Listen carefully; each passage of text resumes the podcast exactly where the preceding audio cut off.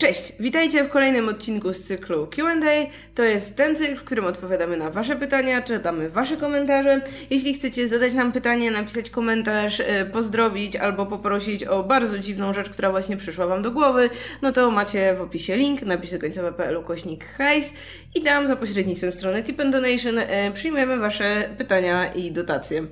E, I nie przedłużając dłużej, pierwsze pytanie dzisiaj nadesłał nam Tomasz Żaglewski. Cześć, gratuluję merytorycznej roboty, którą z przyjemnością śledzę. Bardzo dziękujemy. I nawzajem. No. Bo Tomasz Żegleski też robi merytoryczną robotę.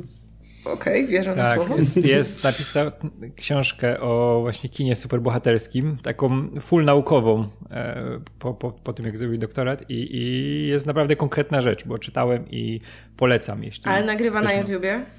No nie nagrywa na YouTubie, no, ale... Bez, sen, bez sensu. ale można go, można go spotkać Książki, w, w Poznaniu na uniwersytecie. wiek dzwonił. E, nie, żartuję oczywiście. Pytanie o film Joker, który według reżysera ma zainicjować linię DCEU inspirowaną DC Black. Jak oceniacie pomysł filmowych imprintów? Okej. Okay. Mm. To, to okej, okay, to ja zacznę, nikt się nie wyrywa. Znaczy, wydaje mi się, że nie ma takiej potrzeby. Nie mamy nic przeciwko, ale myślę, że tych filmów nie wychodzi aż tak dużo, żeby trzeba było je osobno jakoś szeregować. E, wydaje mi się, że e, taki prosty podział, że okej, okay, to jest nasze łączone uniwersum i te filmy są ze sobą związane, plus cała reszta, będzie lepszym wyjściem niż e, teraz robienie kilku różnych cykli połączonych ze sobą filmów lub niepołączonych ze sobą filmów. W komiksach to ma sens, no bo w komiksach co tydzień w ramach, nie wiem, Marvela czy DC wychodzi pierdyliard komiksów. W miesiącu wychodzi ich no, łącznie jeszcze więcej, więc to tam ma sens, że masz różne etykietki, żeby się w tym połapać, co jest czym. W przypadku filmu wydaje mi się, że nie, nie ma potrzeby. Każdy jest promowany osobno, każdy ma te pół roku czy nawet więcej na, na promocję osobną, więc e, nie, nie robi mi to różnicy. Natomiast sama jakby idea robienia filmów, które nie są w uniwersum, tylko są takie standalone, są e, takim no, jed, jedynym swoim rodzaju projektem, no to jak najbardziej. Tylko nie, nie sądzę, żeby to potrzebowało do tego jakiegoś dodatkowego etykietka. Tak, że generalnie... że lepiej jak wow. to jest... nie, bo... Wszyscy się wyrwali nagle. Nie, ja, ja, chciałam, ja chciałam tak bardziej powiedzmy ogólnikowo powiedzieć, że jakby generalnie filmy dla mnie w ogóle nie są, nie są czymś, co jest, jakby, czego widziałabym sens łączenia tego w cykle, prawda? To znaczy jakieś serie, tak, gdzie są, wiesz, tytuły powiązane ze sobą i tak dalej, ale cykl jest dla mnie takim bardziej czymś, że wiesz, jak masz cykl wydawniczy książek, taki bardziej serię taką, że ustawiasz ją na półkach i to po prostu są rzeczy z różnych dosyć jakichś tam parafii, ale łączą się tym, że nie wiem, mają y, oprawę graficzną podobną, czy generalnie właśnie, nie wiem, mają jakiś target podobny, typu właśnie, o nie wiem, linia komiksów dla dorosłych czytelników, albo nie wiem, linia komiksów tam, nie wiem, y, z jakiejś innej linii czasowej, czy coś w tym stylu. A w przypadku filmów, które jakby, no, wydaje mi się, że wiesz, trudno sobie tak dobierać te filmy. Na zasadzie, jak ludzie chodzą do kina, to wydaje mi się, że i tak nikt by nie zwracał na to, na to wiesz, uwagi, czy to jest film z tej serii, czy z tamtej serii, a łatwiej wydaje mi się tego typu mm, takie powiedzmy unikalne produkcje, czy trochę nietypowe dla jakiegoś, nie wiem, uniwersum czy wytwórni, właśnie reklamować tak pojedynczo. Wydaje mi się, że, że Joker, no, którego oczywiście nie widzieliśmy i nie wiemy, czy tam jest dobry, zły czy tak dalej, ale no, ten swój baz wydaje mi się, że zawdzięcza między innymi tej swojej takiej unikatowości i jeśli to byłby po prostu film w ramach jakiejś tam serii, cyklu, no to to już by nie robiło takiego wrażenia. I wydaje mi się, że tak samo jeśli będą jakieś inne filmy od DC, które nie będą w ramach właśnie tego ich uniwersum łączonego, tylko będą jakimiś takimi standalone tytułami, no to fajnie będzie reklamować jakimiś takimi cechami charakterystycznymi dla danego filmu, czy dla danego bohatera, który się tam pojawi, czy no nie wiem, jakimś aktorem, który wystąpi, niż tylko, że o, to ta seria, w której na przykład mieliśmy już Jokera. Bo Wydaje mi się, że właśnie Joker jest fajny dlatego, że jest jeden, a kolejne właśnie niech też będą, wiecie, na własnych nogach stać także marketingowo. No Fajnie nie wiem, tak jak Łukasz powiedział, że to jest fajny właśnie ten taki ideowy, że właśnie, że studio daje teren twórcom, żeby robili te swoje rzeczy, ale żeby tego nie łączyć po żadne etykietki, bo wiemy jak to się kończy, jak na przykład mieliśmy Dark Universe, gdzie te filmy były jakimś, już był plan na nie, zbierali aktorów, były te frotki promocyjne i nagle wyjeżdżają z tym, że to się nazywa Dark Universe. Robią to logo, już przygotowują i nagle się wszystko zaczyna sypać. I ja nie lubię, jak już coś jest pod, robione pod jakiś cykl, pod jakiś znaczek. Tak samo zresztą jak było z tym uniwersum e, DC, nie? że nagle wszystko wbijamy w jedno uniwersum, jest jakiś szyld, żeby to było reklamowo, ale no to nie wypaliło zbytnio. I tutaj też bym się bał, że jak to było już na przykład te logo DC Black gdzieś tam na początku filmu, no to ludzie by już na to patrzyli, że to o, to jest jakiś cykl, jakoś to jest powiązane, a jednak bym chciał, żeby to było takie całkowicie otwarte miejsce dla twórców, żeby też nie chciałbym, żeby to było tylko to black, nie? Że to idą w tą stronę, że to ma być to ambitniejsze, bo jest black, bo jest mroczniejsze, bo idzie w tą stronę. Nie, no bo to Czarny brzmi... jest dla dorosłych. No. Tak, ale to brzmi już właśnie już tak kuriozalnie na, na tym poziomie, że o, to, to, to jest dla dzieci, to będzie już dla tych dorosłych, pamiętajcie, może iść na to i tutaj będzie poważniej. A właśnie, żeby z tego zrezygnować. Jak ktoś ma pomysł na jakiś dobry film po prostu, który się wymyka tym uwarunkowaniom jakiegoś uniwersum, czyli nie, nie, nie da się go przypasować właśnie tak jak Jokera do tego, co nie wiem, czy Reeves chce robić, czy tego, co było w Aquamanie, w Shazamie, co można jeszcze dopasować. A jak ktoś chce na boku coś robić naprawdę swojego, autorskiego, ciekawego, to bez żadnych e, etykietek, bez niczego takiego. Niech po prostu robi. A widzowie zauważą, że to no, nie jest to powiązane z tym światem, który jest tam sobie gdzieś na boku, y, tym głównym, nie? Czyli tak jak teraz mamy w DC. No bo tutaj już widać idealnie ten podział, że no nie, nie spotykam się tak z czymś takim, żeby ktoś to próbował właśnie dołączać do tego, o, że to jest ten sam świat, ten Joker i ten sam świat to jest właśnie Shazam czy Aquaman. No nie, to widać na pierwszy rzut oka. I się nie dziwię właśnie, że tak też e, Warner Bros podszedł do pomysłu, który miał Philips, który wyskoczył z tym, że ej, może zrobimy tę, tą, ten, e, no, tą sygnaturę, że to będzie e, DC Black i tam będą te poważniejsze projekty. A oni, nie, robimy film i zobaczymy jak to wyjdzie i później będziemy myśleć nad takimi rzeczami. I to jest dobra droga, bo ja już widzę, że jak tylko powstaje jakaś nazwa, powstaje coś, co można tam przylepić do tego, no to już się znajdą ludzie, którzy będą chcieli to reklamować w jakiś konkretny sposób, łączyć to w jakąś jedną właśnie tą linię reklamową, czy e, w podobny sposób promować te filmy i one w końcu się zleją w taką jedną masę i będą podobne. A ja jednak chcę, żeby tam była różnorodność, żeby no teraz nie żeby wszystkie filmy nagle, które potem wyskoczą, były pod e, tym szyldem DC Black i nagle wszystkie mają wyglądać jak Joker, bo to jest poważne, ambitne. Ja powiem nawet więcej, jeśli chodzi o te oczekiwania widzów. E, kiedy Todd Phillips dostaje pytanie ej, ale to ten Joker to ma szansę tam się pojawić z, z? Może, może da się jakiś crossoverek zrobić? I on mówi, nie, absolutnie nie, to nie o to chodzi. W momencie, kiedy zrobiłbyś to e, pod jedną etykietę, natychmiast masa widzów, jestem przekonany, że masa widzów zaczęłaby to widzieć jako crossover, jako jakieś wspólne uniwersum. Bo jesteśmy cały czas w dobie tego, kiedy MCU, MCU ma teraz taką ciekawą pauzę, co nagle, co połowa osób deklaruje, że już ich nie obchodzi. Zobaczymy, jak będzie przy kolejnych y, kampanii reklamowych, jak ruszą. E, ale mimo wszystko cały czas mamy te podejście, że szczególnie w przypadku superbohaterów to się jednak łączy. Czy te CW ma swoje uniwersum, czy jest to coś tam prób próbowali robić, nie wiem do jakiego stopnia to wyjdzie, ale niby Doom Patrol i Titans się jakoś tam przeplatało. Więc w momencie, w którym dajesz wspólną etykietę, już ludzie czekają, nie wiem, będzie teraz Zatana, albo Konstantin, albo coś takiego. I ludzie czekają, o, to ciekawe, kiedy się Joker pojawi. O, patrzcie, widzieliście ten easter egg? Widzieliście, jak po położył banana koło y, dwóch jajek sadzonych i wyszła z tego buźka? To jest aluzja do Jokera, mówię wam. I dosłownie, ludzie, widziałem, jak ludzie tak Gotham kiedyś analizowali. Jak frytki się o układały. O mój Boże. Tak, Ktoś frytki... analizował Gotham, jakby samo to wymyka tak, się mojemu tak, jak frytki się układały. W każdym razie, mówię, yy, i to jest niebezpieczeństwo, bo bo, bo, to zaczyna być pewne oczekiwania potem od widowni, pewne podejście do tego, że może DC będzie miał dwa różne uniwersa, a jedyna szansa, żeby to faktycznie było luźne, no to zostawić to absolutnie luźne.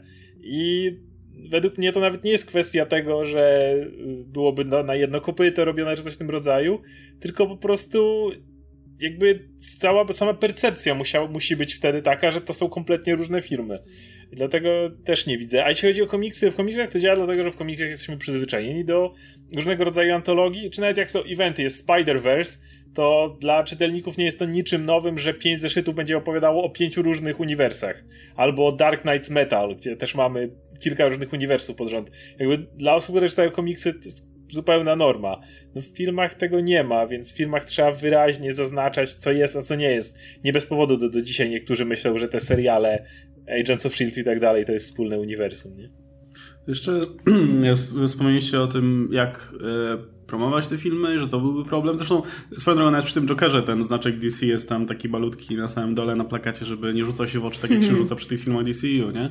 E, ale jeszcze to też myślę, żeby w jakiś stopniu wiązało trochę ręce twórcom, nie? To, no, to trochę odniosę do tego, co Radek mówił, że mimo wszystko nadając jakąś łatkę jakiemuś właśnie cyklowi filmów, nawet jeśli założenie będzie takie, że no, to nie muszą być powiązane ze sobą filmem bezpośrednio, to i tak to narzuca powiedzmy jakieś ramy na, na, na kolejne filmy, nie? No, jeśli, ton, jeśli, No dobra, to teraz robimy DC Black i to będą takie filmy autorskie, e, ale będą dla dorosłych i mroczne. No to teraz przyjdzie, przyjdzie jakiś twórca i powie, no ja bym chciał zrobić, e, mam świetny pomysł na film, powiedzmy o, nie wiem, Bad Girl, który byłby kompletnie poza tym wszystkim, byłby dla młodzieży.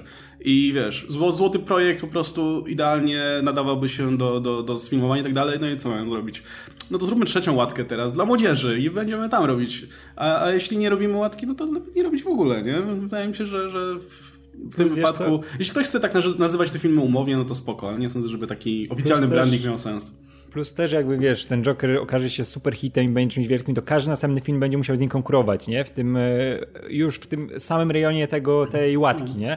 Że to, to, to będzie niebezpieczne dla innych twórców, że oni nie będą mogli zrobić filmu, który jest inny, który, wiesz, klimatem na przykład odstaje i nie jest tak ambitny, tak, wiesz, rozbuchany, wiesz, aktorsko, scenariuszowo jak Joker i dalej będzie bardzo dobrym filmem, ale już będzie to porównanie do tego, ale przecież, no, ten Joker jest lepszy, nie? A przecież to jest ten sam, ten sam szyld, ta sama, wiesz, ta, ta sama łatka i jak to może odstawać w jakikolwiek sposób, nie? No to już, już jest źle, nie? To tak samo jak te kolekcjonerskie jakieś na przykład serie książek, nie? Że masz te wszystkie wielkie książki, nagle tam dadzą jedną, która trochę odstaje, jest luźniejsza czy coś, ale no jak może być w tej serii to jest największy koszmar. Tak. Nie, do... nie, tak nie można. Tak, i to, to mówię, to będzie przeszkadzało tylko twórcom. To jest coś takiego, co niby nic nie znaczy, a jednak znaczy. I ja bym tego unikał jak najbardziej się da. Nie, my się tak cieszymy, że o, DC się teraz otwiera na inne filmy, nie? Mają tę możliwość eksperymentowania wreszcie i, i faktycznie dawania no, pola do popisu twórcom, no bo ten Joker no, jest w pewnym stopniu jedynym swoim rodzaju projektem. E, no to teraz nie, zabierzmy im to z powrotem, zróbmy, zróbmy łatki, cykle, uniwersa i tak dalej i sobie ty, ty, tyle, tyle będziemy mieli możliwości do eksperymentów. No dobra, to e, chyba wyczerpaliśmy temat Jokera e, i przejdziemy dalej. E, pytanie od Adi Bielo i przeczytam całe, ale podzielimy je trochę na kawałki, bo tutaj kolejne pytania trochę powtarzają niektóre tematy. Wy tego chcieliście, nie ja, więc teraz żałujcie, ale musicie odpowiedzieć. O mój Boże, robi się groźnie. Pytanie pierwsze. Co sądzicie o polskich kabaretach i stand-upie? I do tego wrócimy, bo mamy jeszcze dwa pytania o kabarety, więc zbijemy to w jedno. Więc zacznijmy od dalszej części.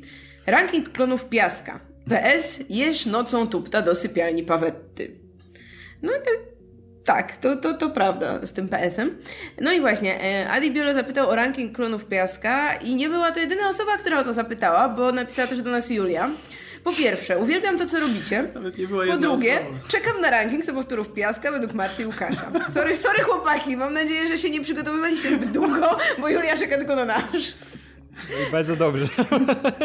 Nawet nie jedna osoba, ja, ale. Ja chętnie ale oddam wam tą Ja myślę, że tych osób może być co najmniej kilka, bo e, przygotowując się do tego pytania, robiliśmy mały research, między innymi też udając się po e, wskazówki, czy tam jakieś, wiecie, e, drogowskazy e, na najpierw... Twitterze do naszych no, też tutaj obserwujących. Robiliśmy research, e, ale trzeba by myślę najpierw zdefiniować, co to jest klon piaska. Tak, trzeba to zdefiniować, bo na, na Twitterze odkryliśmy, że niekoniecznie wszyscy zrozumieli, o co nam chodzi. No, nie więc... wszyscy Więc, to pojęcie tak samo. Nie chodzi tutaj o, wiecie, dowolnego wykonawcę polskiej muzyki rozrywkowej.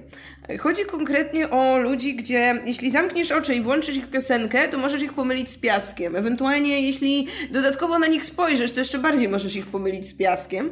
I Ale jako... to jednocześnie to jest też podobna estetyka teledysków, tak. tematyka tekstów, klimat e, i to generalnie bym zdefiniował jako taką muzykę, e, która jest na tyle nie, żadna. Na tyle żadna, na tyle przezroczysta i nijaka, że nikt, kto usłyszy ją w radio i nie przełączy.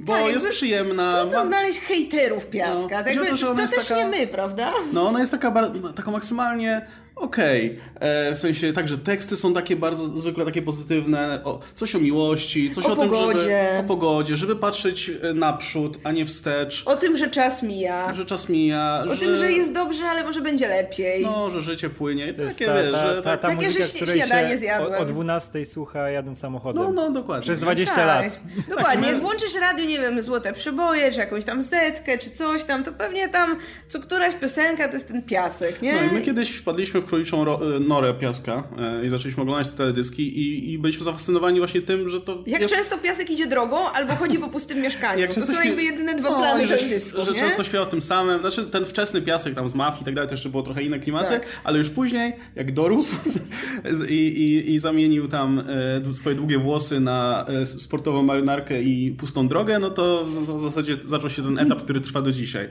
A potem jeszcze ze zdumieniem odkryliśmy, że jest masa adeptów tego stylu. Tak, jest ogromne zapotrzebowanie w muzyce na klony piaska, no przy czym piasek przynajmniej był pierwszy. Ja myślę, że jednak piasek już jest tym takim ich mistrzem, a jest dużo padawanów piaska, w tym część, których piasek osobiście Namaścił. wybrał i wychował, tak. Y, Między innymi w programie The Voice, o którym pewnie trochę jeszcze będziemy mówić. I w którymś teledysku to chyba, nie wiem czy to był jeszcze Piasek, czy to była jeszcze Mafia, czy to już był Piasek, ale był, był taki teledysk, który wygląda, który odby...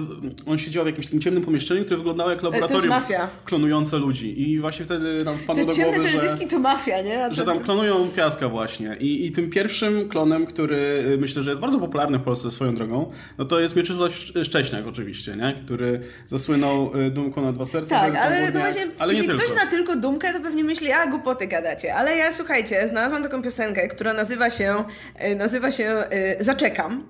I tam w piosence jest tekst, całe życie czekam, takie myśli miewam i dlatego śpiewam. No. I, I to jest esencja, to jest jakby coś, co mógł śpiewać Piasek i każdy z jego kolejnych klonów.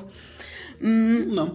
E, no ale właśnie, e, czy, czy jeszcze mamy jakichś takich, a jeszcze z takich e, ludzi, którzy są też w polskiej muzyce od jakiegoś czasu przynajmniej, Tak. no to jest ten, e, jest Kuba Badach, którego ja jestem ogromnym fanem, bo ja pamiętam, że e, na pewno znacie ten słynny utwór Roberta Jansona z jego wokalem Małe Szczęścia.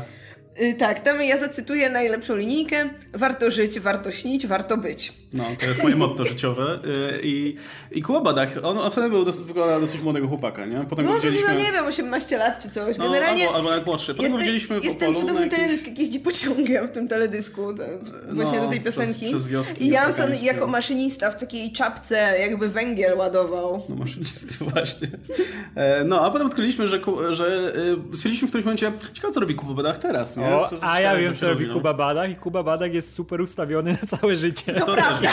Ale co robi muzycznie teraz Kuba Badach? Czy nie zero z muzyką, nie? Biorąc pod uwagę, że jest ustawiony na całe życie. Otóż nie. Otóż nie. I jest klanem piaska właśnie dzisiaj. Y, Tak, to znaczy nie we wszystkich utworach tak może mega to widać, ale jest na przykład taki utwór Jestem kimś, w którym Kuba Badach przez całą piosenkę idzie drogą i generalnie śpiewa nieodróżnialnie od Piaska.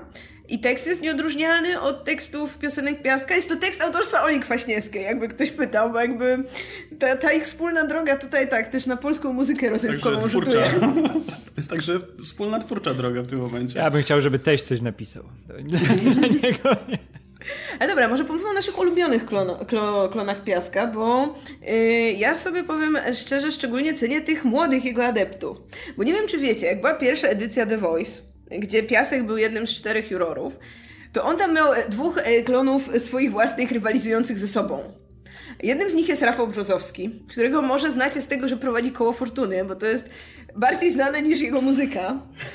I on, I on tam również muzycznie się wykazuje śpiewając coverem. I e, nie ukrywam, że wczoraj przez, nie wiem, godzinę odtwarzałam Rafała śpiewającego różne, różne covery właśnie w kole fortuny. Od takich klasyków jak I'm Blue, Bada Bida Bada i inne takie. I i Rafał ma jedną znaną swoją piosenkę, której tytuł brzmi tak blisko. I to jest piosenka należąca do tryptyku odległości, gdzie, gdzie mam jeszcze kilka piosenek o, o tym, y, czy jest y, gdzieś dalej i bliżej. I oczywiście zwię, zwi- zwieńczeniem jest utwór piaska jeszcze bliżej. Y, I generalnie to jest, to jest cudowne, bo, bo Rafał Brzozowski to jest taki niejaki człowiek, że jakby, jak ja to ujęłam, jakby masło śpiewało. I, i, to, I to jest idea, idealny, idealne bycie klonem piaska, ale jest jeszcze drugi typ. y, który wygrał wtedy z Rafałem w tejże, w tejże edycji The Voice, czyli Antek Smykiewicz, którego jak pierwszy raz włączyliśmy, to byliśmy przekonani, że to jest piasek. Tylko trochę młodszy, czy, czy coś tam, trochę włosy przyciął, nie? On całą piosenkę idzie drogą, śpiewa o tym, że pomimo burz, co jest ewidentnie też nawiązaniem do tego trendu śpiewania o pogodzie, i Bo- ojej, to bo- jest takie bo pogoda 100% piaska w piasku. emocje, to jest ta najprostsza metaforyka, na jaką sobie Tak, więc to są jedni z moich ulubieńców, ale może ty masz jeszcze jakiś. No, moim ulubieńcem jest Marcin Sujka, oczywiście. To jest laureat chyba ostatniej edycji The Dziewiątej. Voice. Ostatniej zakończonej edycji The Voice. E, Ja go bardzo lubię, bo poza tym, że e, u nas zasłynął głównie coverowaniem e, Grażyny Łobaszewskiej e, Czas na służy pogody, nie? Y, Piosenka o pogodzie, oczywiście checked. To jeszcze, no on, on ma taki, lubię jego aparycję. Bardzo, bo, bo to jest taki swojski chłopak, taki piasek, ale... To jest ale... coś między piaskiem a mietkiem tym. Nie, nie, ja bym powiedział, że to jest taki piasek, który jeszcze węgiel zaniesie i wiesz, i e, tutaj na gospodarstwie coś poprawi. Taki bardzo swojski, fajny facet i oglądaliśmy kiedyś właśnie Dni Łomży, nie? gdzie był piasek i był właśnie Grzegorz Sujka, e, Marcin Sujka. Sujka i on był strasznie zachwycony tym, że może występować przed taką publicznością i jeszcze I- ze swoim mentorem na, na E, scenie. tak, na jego cześć z pewnością nagrał, nagrał utwór Dalej, czyli kolejny utwór do y, tryptyku odległości. To, mm, ja jeszcze jestem, e, tak, bo tak odświeżałam sobie różne też, różnych wykonawców, których gdzieś tam kojarzę, szukając właśnie ich podobieństw do Piaska. I słuchajcie, nie wiem, czy pamiętacie takiego pana, bo on już chyba tak niespecjalnie muzycznie się udziela w tej muzyce rozrywkowej, Łukasz Zagrobelny, który teraz głównie gra w teatrach, z tego co kojarzę. Słuchajcie, on ma piosenkę pod tytułem Życie na czekanie, która wpisuje się w cykl piosenek o czekaniu i o tym, że czas mija i tak dalej. O mój Boże, to jest piosenka totalnie nieodróżnialna od dowolnej piosenki Piaska i on jeszcze wygląda jak piasek w tej piosence. Więc to jest, kurczę, myślę też moje top 3. Ale fakt, że mm, ta kariera mu tak, tak sobie wyszła, ta, w sensie ta popowa, nie? No, bo No jeśli tak. występuje w teatrze, to super. No, w Romie na przykład, nie? No, To- no to super, ale jeśli- wydaje mi się, że y, kariery większości tych klonów piaska, które nie rozwijają się tak, jak pewnie oni by chcieli, wskazuje na to, że y, nie potrzeba nam więcej piaska niż cholerny piasek. E, I wychowywanie przez piaska dwóch kolejnych piasków y, i wysyłanie w świat kolejnych klonów piaska, to jest, myślę, no, skazywanie tych biednych ludzi na, no, wiesz, nagranie paru utworów i, i zniknięcie, nie? Myślę, że trzeba mieć na siebie jakiś pomysł i takim klonem Piaska, który ma na siebie nietypowy pomysł, ale jakiś, myślę jest pan Grzegorz Chyży, którego pomysłem na siebie jest nagrywanie utworów do polskich komedii romantycznych. I, i jego piosenka do Pech to nie grzech. To jest, no to jest coś. Jeśli nie słyszeliście, to, to przesłuchajcie, bo mm, chcę powiedzieć, że ta piosenka jest dopasowana do tego filmu, bo są równie złe.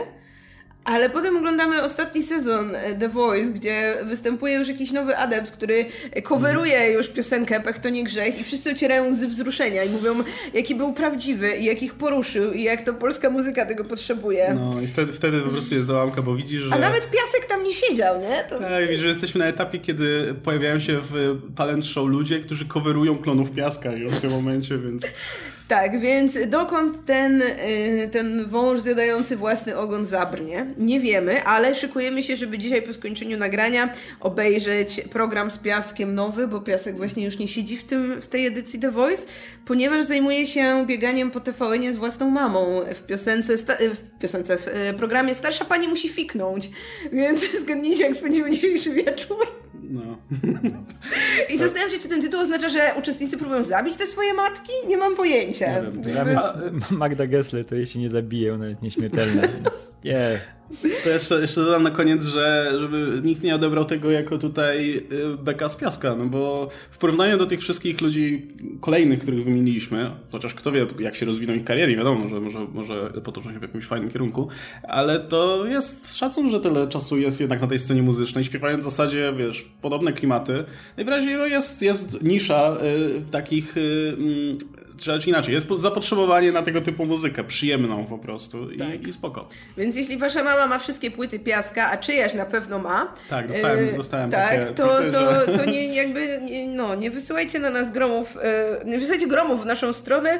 My po prostu tutaj to analizujemy, wiecie, tym chłodnym okiem badaczy polskiej muzyki Nie no, rozrywkowej. Piasek dla mnie nie jest już wykonawcą, tylko zjawiskiem, znaczy inaczej, em, no w zasadzie zjawiskiem istniejącym w polskiej muzyce, więc my się bardziej, na- nas bardziej bawi zjawisko, szczególnie tutaj powtarzanie tego sukcesu, jakiego osiągnął Piasek, a nie sam Piasek.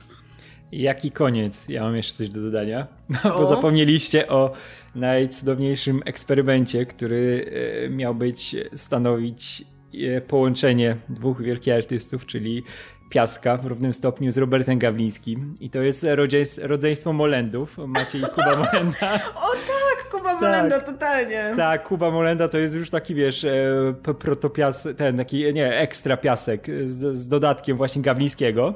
E, I kurczę, ja pamiętam jak on z Ewą Farną nagrywał piosenkę do Camp Rock 2. Tak! E, tak, i to była Polska, bo każdy kraj miał chyba swoją właśnie piosenkę tą przewodnią i on nagrywał z Ewą Farną i tam był tak mega piaskowy, jak oni tam wiesz, jak ogień i deszcz, jak ogień i deszcz, nie dobraliśmy się. Do dzisiaj to pamiętam i to jest najgorsze, bo mi ta piosenka siedzi w głowie i on jest, on jest totalnie piaski. Jeszcze jak go z lat 90 pamiętam, jak wiesz, jak Maciek był już tym wielkim artystą, dorosłym, dojrzałym i był Kuba, ten e, a mały jego brat, który wyglądał jak mini-mi. Oni zawsze wyglądali właśnie jak Doktor Zło i mini-mi, czyli bra bracia Molenda.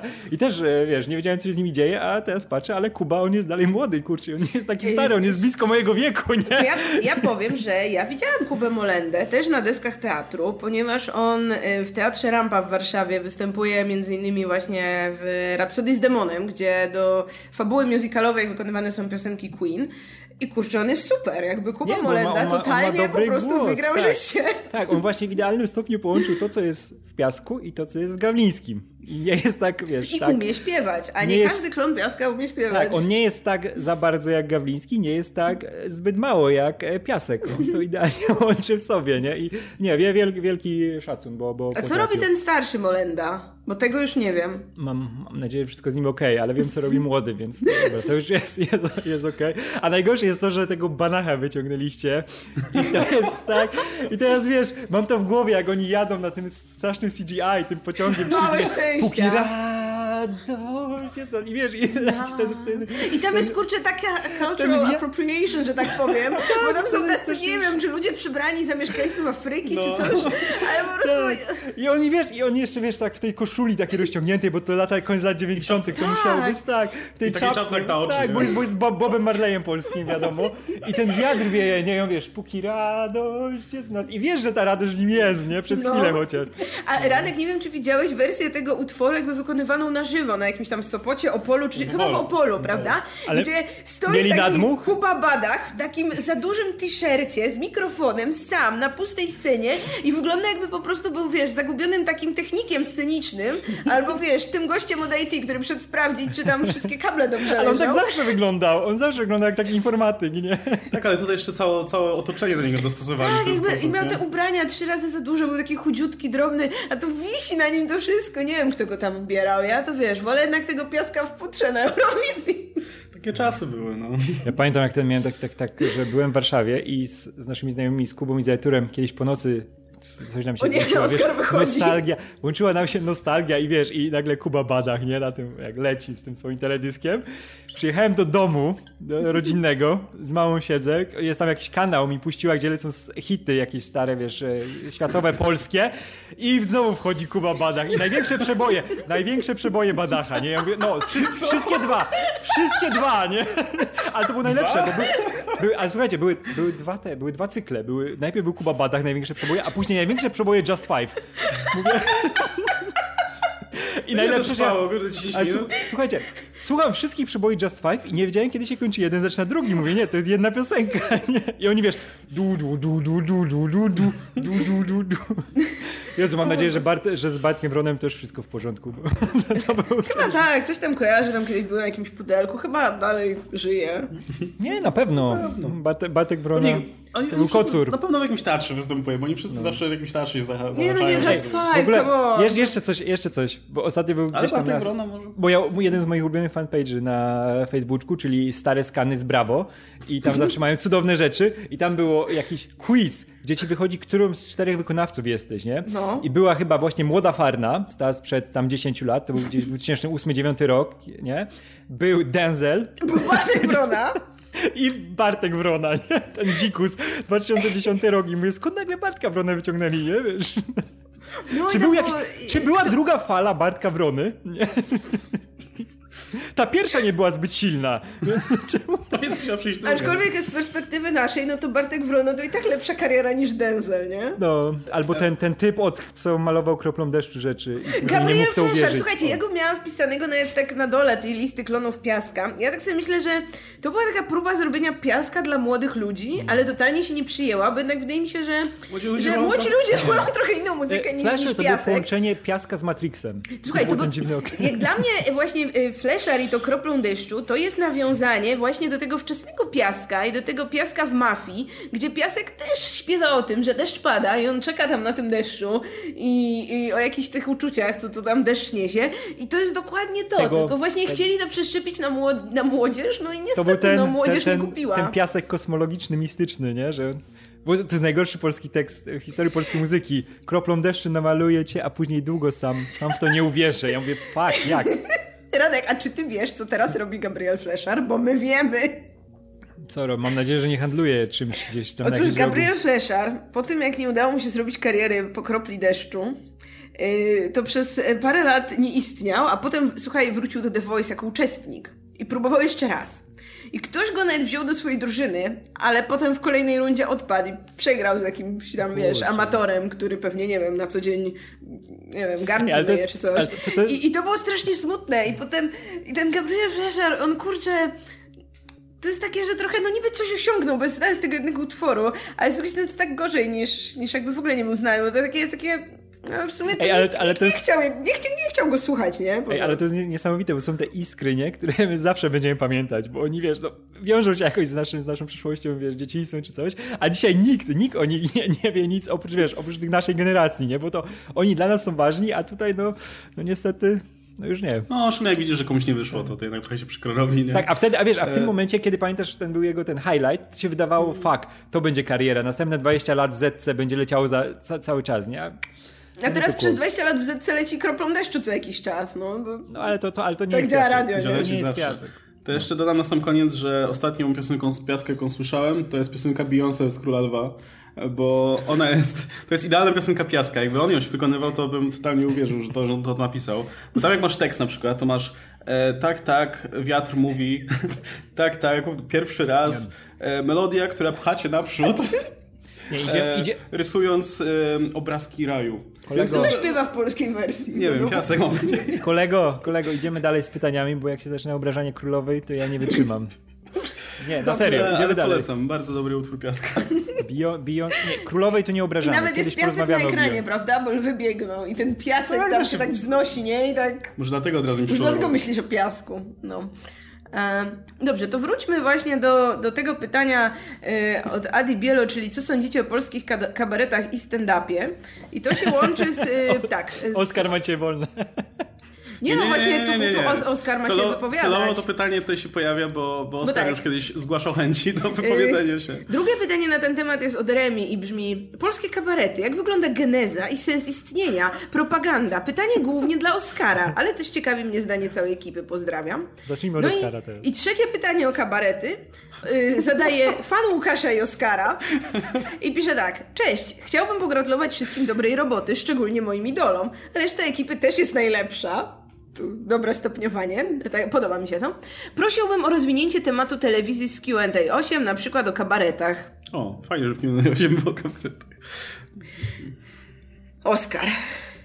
Nie, nie powiedzieć coś o, o polskich kabaretach. Dobra, Geneza, to, sens istnienia. to, to Ja za- myślę, że po prostu to daje ci sposobność, żeby się Za- powiedzieć na temat kabaretów okej, ogólnie. To zacznę inaczej. Dlaczego ogólnie też nie oglądam w ogóle polskiej telewizji, dlaczego jej nie lubię, ale kabarety są tutaj jakby na czele tych wszystkich powodów, bo e, mam zarówno w swojej dalszej rodzinie, jak i wśród znajomych, jak i ogólnie dalej. pewnie każdy I każdy z ma... Nie, nie kabareciarzy, bez przesady. Ej, Oskar taki z rodziny Jakbym miał- kabareciarzy. Nawet jeżeli Wszyscy bym kab- miał, to bym się nie przyznawał, okej? Więc nie o tym. To jest, to jest najlepszy film o Jokerze się zapowiada, nie?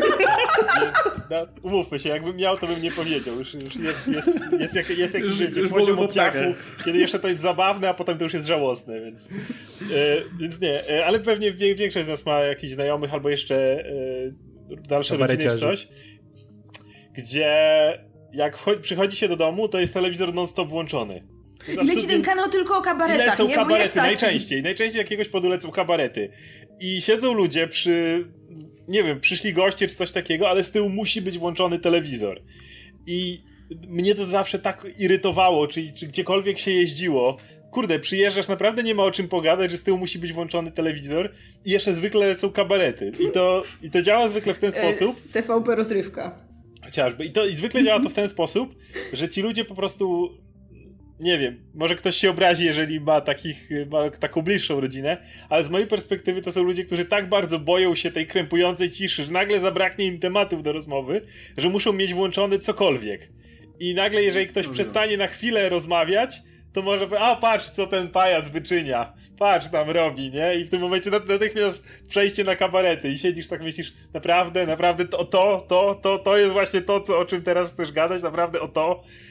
E, no, to tak jeśli chodzi o samo skrzywienie do tego, ale to się tyczy oczywiście wielu innych programów, które, które tak są traktowane, kiedy telewizor jest kolejnym członkiem rodziny. Po prostu ja tego absolutnie nie znoszę, dlatego telewizji nie przestałem oglądać wiele, wiele lat temu. To o nas.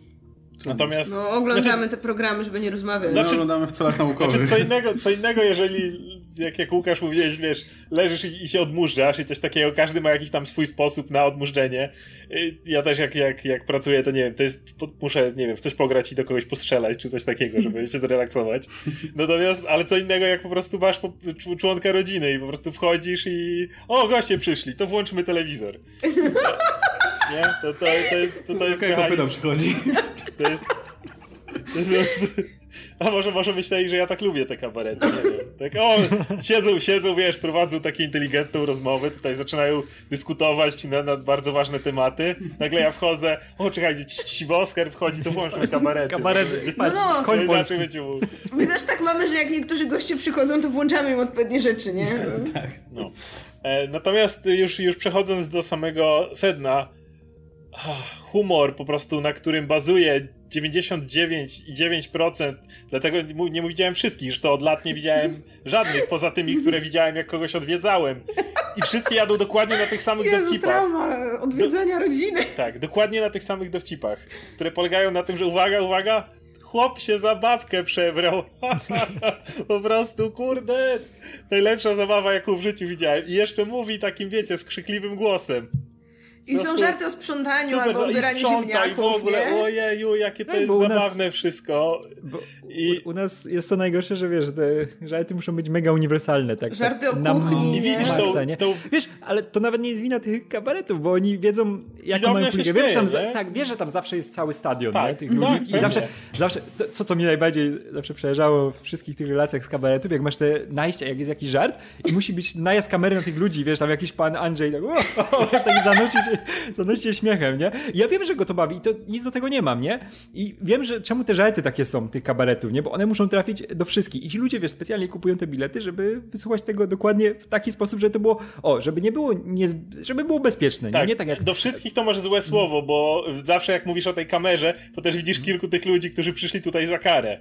I widzisz tego pana tak, Andrzeja, tak, co tam ryczy ze śmiechu, a obok siedzi ta osoba z takim totalnym zażenowaniem. I, wiesz, I tak myśli, tak, dlaczego wiesz, mnie zmusili, żebym tu był albo była. W ogóle jest też tak, że wiesz, że e, jednak kabarety to jest coś takiego mocno naszego, nie? Bo na przykład Amerykanie nie mają kabaretu, oni mają stand-uperów, nie? I sta stand-uperzy to jest coś zupełnie innego. Tam, to, jest, to jest sztuka, nie? Żeby być dobrym stand-uperem, żeby te Polska dobre też ma stand-uperów. Nie, o stand-uperach chyba oddzielnie. Mówimy o tym osobno. Okay. Tak, tak, tak, tak. Ale no, no i wiesz, w Ameryce nie ma tych kabaretów i kabaret to jest coś takiego mocno dla nas, nie? Że ci, ci, te stare kabarety, one zawsze, wiesz, jeżdżą przez 20 lat z tym samym materiałem. Śpiewają, tak. nie? Tam I zawsze wiesz, to jest taka... Ale...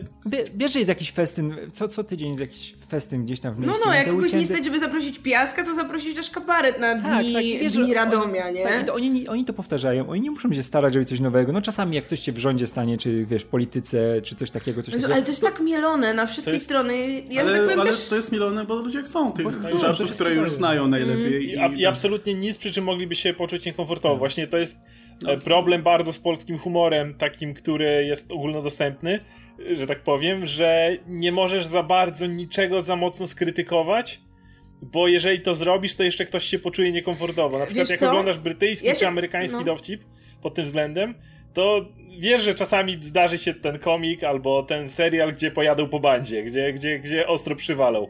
Natomiast jeśli chodzi o polskie podejścia, no to w kabaretach to jest niemożliwe, to jest kompletnie niemożliwe. Ja się nie zgodzę, bo polskie kabarety są wciąż pełne żartów seksistowskich, rasistowskich i homofobicznych ale to, i każdy nie, nie, wrażliwy człowiek może się przy nich poczuć niekomfortowo. To jest, to jest, to, to jest humor, który odpowiada po Słuchajcie, no ja też, że tak powiem, akurat kabarety, kabaretów nigdy sobie nie włączamy, jakby nie wiem, co musiałoby nam się stać, byśmy włączyli sobie kabaret, to chyba nigdy nie nastąpi, ale też no kiedyś nie mieszkałam sama i też kiedyś mieszkałam w domu z telewizorem, w którym potrafiły lecieć włączone po prostu kabarety i e, po pierwsze one lecą w kółko te same, w sensie jakiś tam, nie wiem, był jakiś festiwal, nie wiem, kabaretów w Mielcu czy whatever i on Za po prostu raz w tygodniu będzie na przykład emitowany, Tak. nie? I te, te skecze cały czas potrafią lecieć w kółko, to kurde właśnie oprócz tych żartów, gdzie mamy e, chłopa przebranego za babę, to żartów, gdzie jakiś kabareciarz udaje, nie wiem, stereotypowego geja, raba. gdzie macha ręczkami i wiecie, i, i mówi tym takim nienaturalnym też głosikiem, to jest kurczę chyba równie dużo. I o mój Boże, to jest, to, to jest takie... Tak, ale wiesz, to jest, to jest e, też pochodna tego, że no, Chińczyka. z punktu widzenia socjologicznego... Chińczyka, tak, jakby wiesz, też nie wiem, czy się śmieją, że jak ktoś jest, nie wiem, czym, jakiś ciapaty, czy bambus, że nie umie Ale wiecie, bo to jest- polskiego, to, to- to- ale jakieś to To takie, wiecie... jak, jak ktoś się jeszcze tak trochę wymaluje i jest czarny, to w ogóle Ale no bo to, ale to wy, wywodzi się z tego, z tego co, co jest no, no najgorsze w tej całej sytuacji, że no te żarty właśnie homofobiczne, rasistowskie, no one u nas nie, nie uchodzą za te, wiesz, odważne czy jakieś e, graniczne. No to zawsze u nas to było coś, wiesz, normalnego, że o, chłop się zabawę przebrał, że żarty z transwestytów czy coś takiego. I to, to jest najgorsze, to powinno być zmienione. A wiemy, że to się jeszcze nie zmieni przez lata, nie? Bo to zawsze jest, było zakorzenione tak mocno, nie? Że mamy tego gościa, który, wiesz, kurczak ciecie na ostro i o, super, super, super zabawne, nie? Ale wiesz, co jest ciekawe, jak patrzy, po- popatrzysz na te naprawdę stare kabarety, mówię takie jeszcze Kabaret starszych panów. Właśnie na, nasz, naszych Takie rodziców klasą, bardziej i nie? tak dalej, Tak, to tak. ten humor tak nie wyglądał absolutnie. Nie powiem, że był wyrafinowany od razu, to był jakiś humor, ale to był często humor, który dosyć, dosyć dobrze obrazował obecne społeczeństwo. On na przykład e, śmiał się z obecnej sytuacji, ale niekoniecznie politycznej. Ale na przykład obecnej sytuacji na rynku pracy w jakiś sposób, czy, czy tego typu rzeczy. To był komentarz do aktualnych rzeczy, które się dzieją. Mówię, to nie, nie, nie, nie, nie że jakieś strasznie mocne, czy coś w tym rodzaju, ale przynajmniej jak, jakkolwiek e, trzymające się tego, nie, nie polegające po prostu na, na, na w kółko właśnie zmienianiu Tak. głosów w, w bardzo, bardzo prosty sposób. Ale wiesz- Zastanawiam się, kiedy to się stało, że właśnie przeszliśmy do do udawania Chińczyka i tak dalej, bo nie, nie przypominam sobie, żeby w tamtych starszych kabaretach były tego typu rzeczy. Ale wiesz co, nawet jak, jak były, to one były strasznie zrobione nie tylko że ze smakiem, to jeszcze były bystre, z tym samym komentarzem. Na przykład mamy kabaret Tej, Smolenia z Laskowikiem, nie? Którzy byli fenomenalni. Nie? Tam też mieliśmy Smolenia, który się zabawę przebierał, ale to było, wiesz... Czego ale to były- to fanem, były- ale... Ale no nie, no ale akurat wiesz, z tym jak robił bomby i ten. Jak i, robił bomby, tak. I wiesz, to, to było super, bo to jest wiesz, nawiązanie do tej sytuacji politycznej, to jest wiesz, kuksaniec wymierzony w, w reżim i tylko, tylko fajnie, fajnie zaowalo, zaowalowany.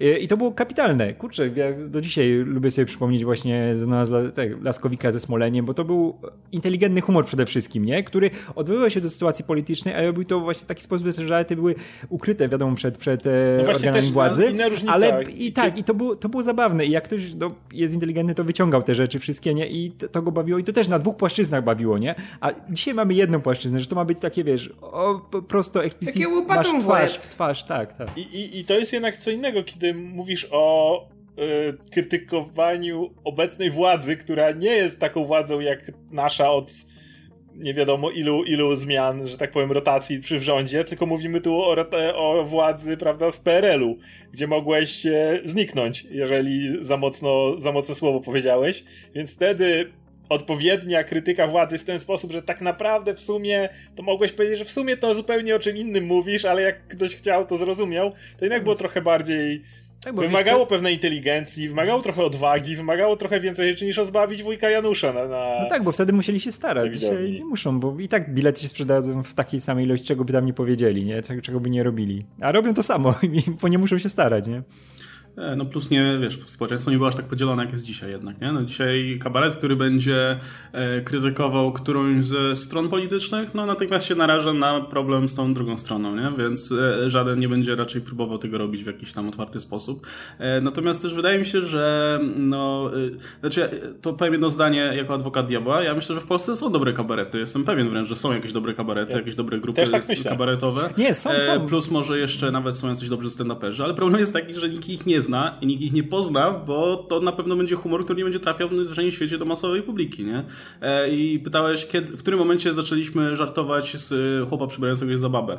E, wydaje mi się, że wtedy, kiedy właśnie te kabarety stały się tak, wiesz, mas taką wielką masową rozrywką. I w tym momencie one musiały się stać się po prostu czymś takim maksymalnie nieangażującym, zupełnie, wiesz, w żaden sposób nie wymagającym niczego od widzów. Żeby tylko usiąść i pooglądać dwóch idiotów na scenie, którzy śmiesznie mówią, nie? No, bo, bo to, dokładnie taki w tym momencie w, w kabaretach przeważa. I nawet jeśli gdzieś są jakieś dobre kabarety, no to one będą istniały gdzieś, nie wiem, studenci może będą jakieś zakładać albo, albo coś, tak, ale... w, jakim, jakimś, w jakimś konkretnym mieście jakaś grupa w raz w miesiącu w teatrze gdzieś tam, nie? Tak, ale w jakimś małym lokalu, nie? A nie na tych Ładnie. wielkich scenach kabaretowych, nie na antenie potem TVP rozrywka. Tak. Ma, mamy też te, wiesz, te kabarety, które jednak występują gdzieś na tych scenach i ten, a i oni mają, mają ten program, który muszą tam pokazać, mają też ten, który gdzieś tam na boku czasami przemycą naprawdę jakieś e, kapitalne skecze i, i występy, ale no też muszą to łączyć z tym, co jest uniwersalne, nie? z tym, co im pozwala tam być i no bo, bo są, są te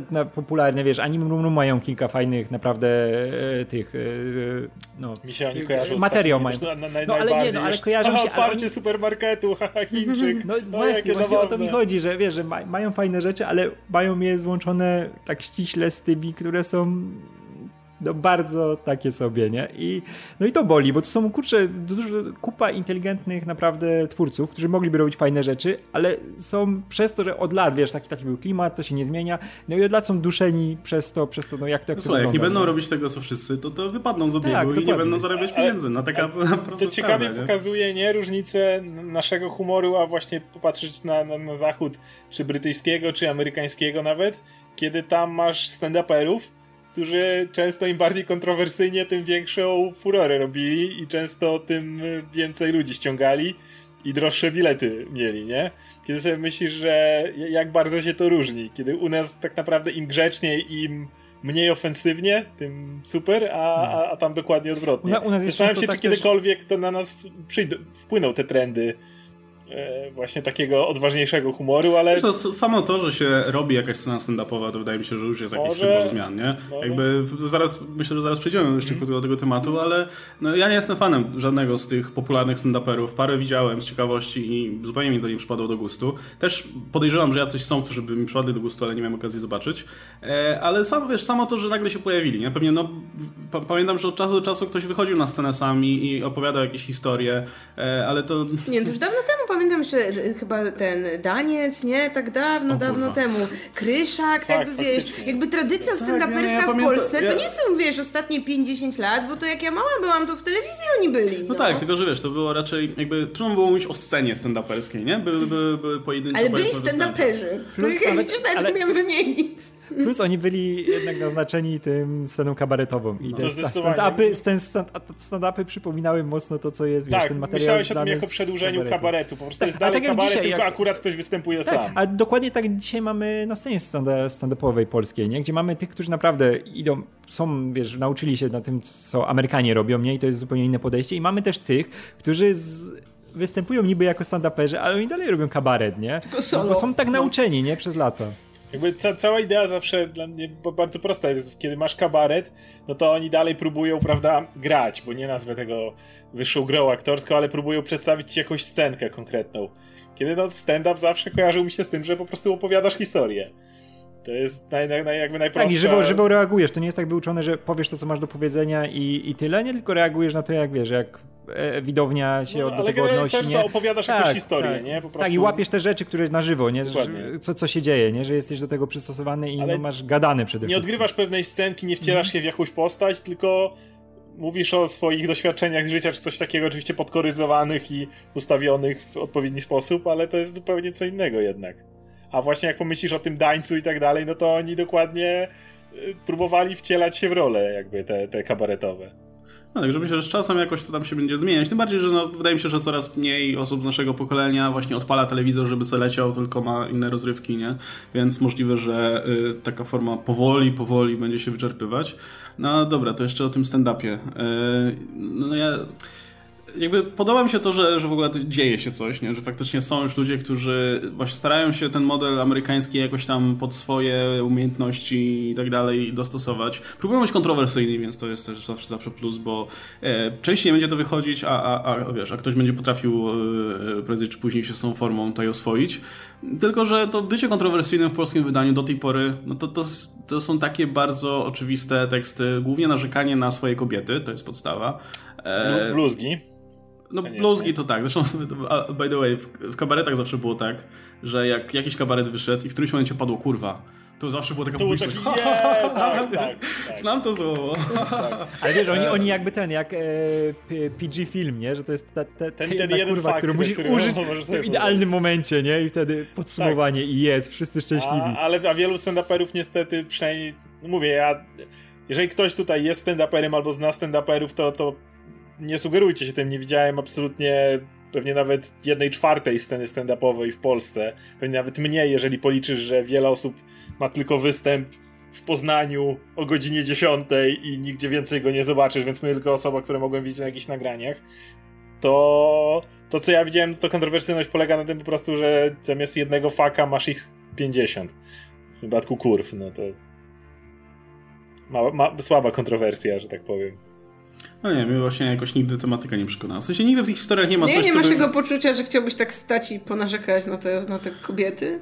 Wiesz co, gdyby może jeszcze ktoś to robił z jakimś urokiem, albo na przykład ym, albo podchodzą do tego w jakiś niestandardowy sposób, na przykład narzekając na swoje partnerki, ale przedstawiając to w taki sposób, że samego siebie się stawia w złym świetle wtedy, bo już coś takiego widziałem u któregoś z amerykańskich komików.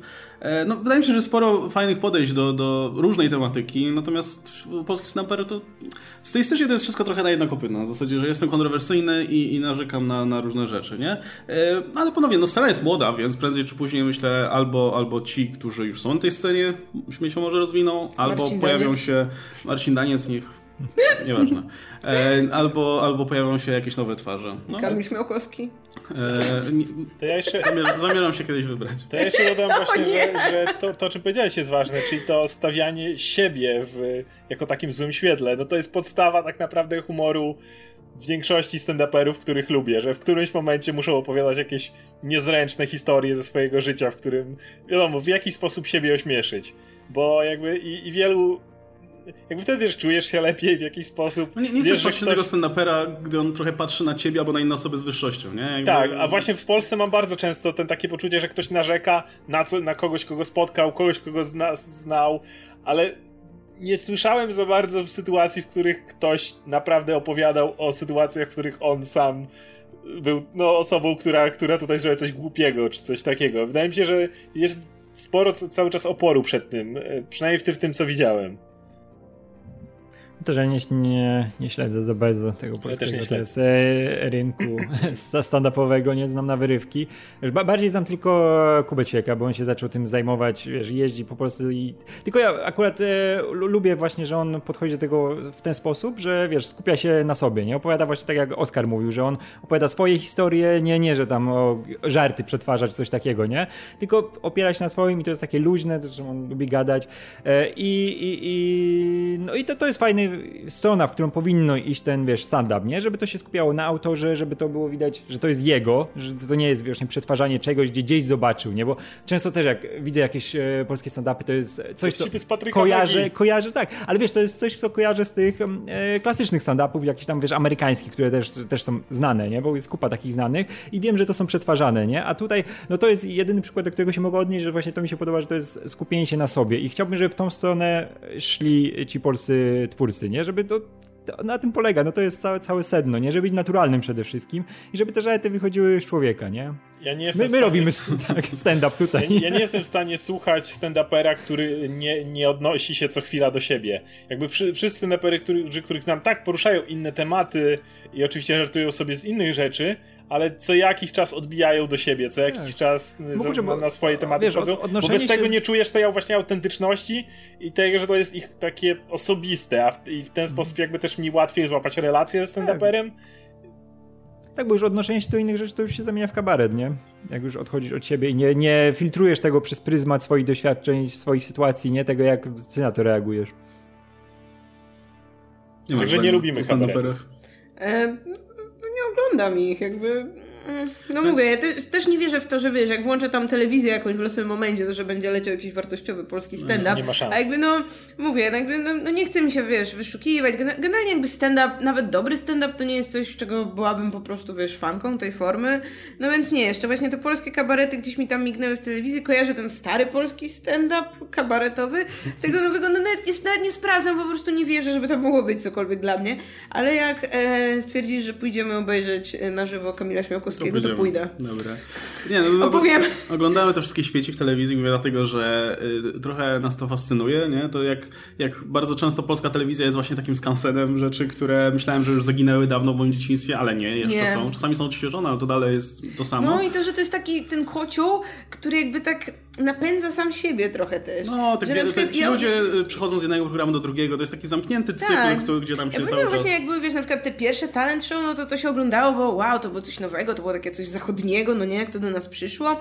A teraz jesteśmy, teraz już jest ta druga fala, kiedy ludzie, którzy wygrywali talent show kiedyś tam, teraz są już jurorami talent show i wychowują swoich następców. No albo właśnie kiedy już takie tuzy jak Piasek już tam, wiecie, już nie muszą tam sami nagrywać, bo tu już namaszczają tam sw- swoje klony. No, a y, z kolei jeśli chodzi o kabarety, to ich nie oglądamy, bo tam absolutnie nic fascynującego nie ma, nie? Tam, tak, bo tam jeden, nic się nie dzieje. Od, od 92 nic się nie wydarzyło, więc no... Trudno się śmiać z tych takich właśnie przesadzonych żartów. No, wydaje mi się, że nie wiem, śmieszniejsza jest to taka jakaś. Nie chcę powiedzieć, że naturalność, no bo to oczywiście też jest jakoś tam reżyserowane, ale no nie wiem, dla mnie śmieszniejsze jest jak się, jak się układałem pięściami weks na plaży, nie? Bo chociaż takie to jest kurczę takie bliżej życia. Takie, no, o, no tak, jak tam e, e, nie, nie umieją niektórzy zrozumieć e, podstawowych takich komunikatów i tak. No, współczesnym kabaretem się stały te właśnie dokumenty, wszystkie i te dramy telewizyjne. Pewnie też właśnie dalej w tych domach, o których wspomniałem, lecą non-stop. I teraz zamiast właśnie kabaretu, to jak tylko skończy się temat do rozmowy, to mówi patrz, patrz jak idzie, patrz jak się biją.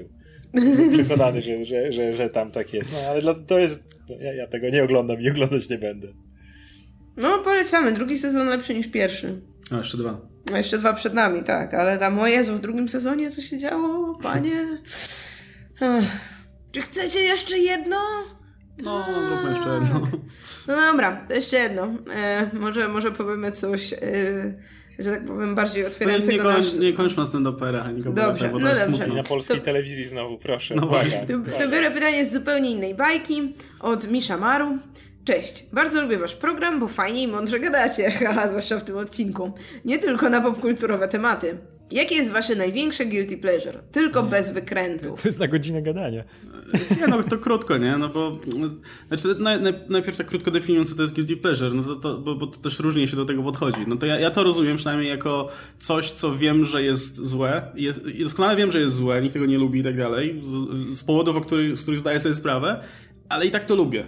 Ja bym powiedziała, że nie, że jest złe, tylko że jest może raczej takie nieszczególnie wartościowe, jakieś takie głupiutkie, no ale właśnie oglądasz właśnie z pasją. Tak, no. ale oglądasz nie ironicznie, nie, że Tak. oglądasz dlatego, bo, bo, bo jest złe i cię to tak bawi, ale serio y, daje ci to, się w to. daje ci to Tak. jakby prawdziwą przyjemność, nie? Y, no, Różnie też definiowaną. No to u mnie to ogólnie byłoby kino exploitation y, i to tak w odniesieniu do Patryka Wegi mogę powiedzieć, że no ja, ja lubię filmy, które są właśnie brutalne, które są właśnie takie pozbawione jakiejś artystycznej wartości, które mają pokazywać przemoc, seks, e, wszystko co najgorsze.